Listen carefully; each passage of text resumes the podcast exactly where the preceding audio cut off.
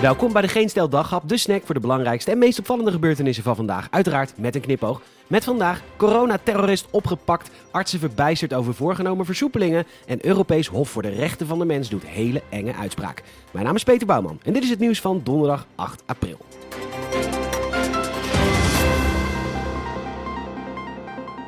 Nou, dat was lekker wakker worden met een man die is aangehouden omdat hij een aanslag wilde plegen op een priklocatie in Den Helder. Hij werd 18 maart al opgepakt, maar het nieuws kwam pas vandaag naar buiten, onder andere via het AD. Een terreurdaad volgens de politie en het OM, want de verdachte heeft met zijn handelswijze beoogd om de bevolking ernstige vrees aan te jagen en economische en sociale structuren van het land te ontwrichten. Volgens het OM heeft de verdachte geprobeerd om een cruciaal overheidsproces, namelijk het landelijk gecoördineerd vaccinatieprogramma, op extreem gewelddadige wijze te saboteren. De andere heftige misdaad van dit verhaal is natuurlijk dat het OM spreekt over de woorden gecoördineerd en vaccinatieprogramma, maar fijn dat hij vastzit. De toekomst is nu. Aliens op aarde. Hugo de Jonge met pensioen. En we gaan elektrisch vliegen. Die moet over vijf jaar al kunnen, want RTV Drenthe meldt dat Groningen Airport Eelde gaat samenwerken met de vliegvelden van Eindhoven en Rotterdam om dit mogelijk te maken. Binnen vijf jaar moet er een verbinding liggen met twee elektrische vliegtuigen die testvluchten gaan uitvoeren. Leuk voor die echte durfallen die houden van bungeejumpen en het AstraZeneca-vaccin. Het zal beginnen met elektrische vierzitters en dat willen we daarna verder uitbouwen. Het is de eerste stap om uiteindelijk binnen Europa verbindingen met elektrische vliegtuigen op te zetten, al dus directeur van het vliegveld Mijltje de Groot. Maar het blijft niet bij elektrisch vliegen, want ze gaan ook kijken naar de mogelijkheden met waterstof. Want, zoals de Groot zegt, wij zitten natuurlijk in de eerste waterstofregio van Europa. Ja hoor, Groningen. Ik sprak laatst een vriend van me uit Texas en we hadden het toevallig over waterstof. Oh yes joh, zei hij. Of course you live near, uh, near the first wetter dust region in Europe joh. Lucky bastard, you must be as proud as a peacock joh. Maar goed, er moet nog veel getest worden voordat dit allemaal kan. Is er genoeg groene stroom? Hoe is het onderhoud van die dingen? De Groot vraagt zich ook hardop af of je dan overal stekkers moet neerzetten. Nou ja, lijkt me wel, niet te lang over nadenken. Maar goed, mooie ontwikkelingen, maar hadden ook niet anders verwacht van de eerste waterstofregio van Europa. De Nederlandse Vereniging van Ziekenhuizen is het niet eens met de voorgenomen versoepelingen vanaf 21 april.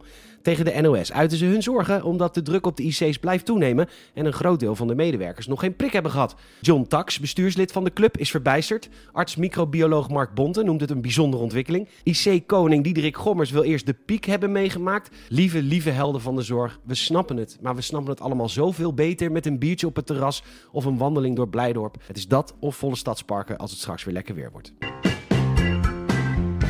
Het is paniekelom in de Verenigde Staten, want de ketchup raakt op. CNN schrijft over het nijpende tekort van het spul en de reden is best simpel. Iedereen is gaan bezorgen, dus ook de luxere restaurants zijn simpeler voedsel gaan produceren. En bij een frietje hoort ketchup. Ja, breek me de bek niet open, daar snappen ze mayo niet.